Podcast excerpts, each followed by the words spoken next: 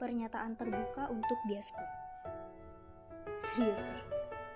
Istilahnya kalian kalau mau buka kartu tuh nggak apa-apa. Serius. Pengen banget lihat kalian ke publik kalau punya pasangan. Ya tapi balik lagi. Namanya netizen, gak mungkin semua mindsetnya sama. Gak mungkin semua fans sama.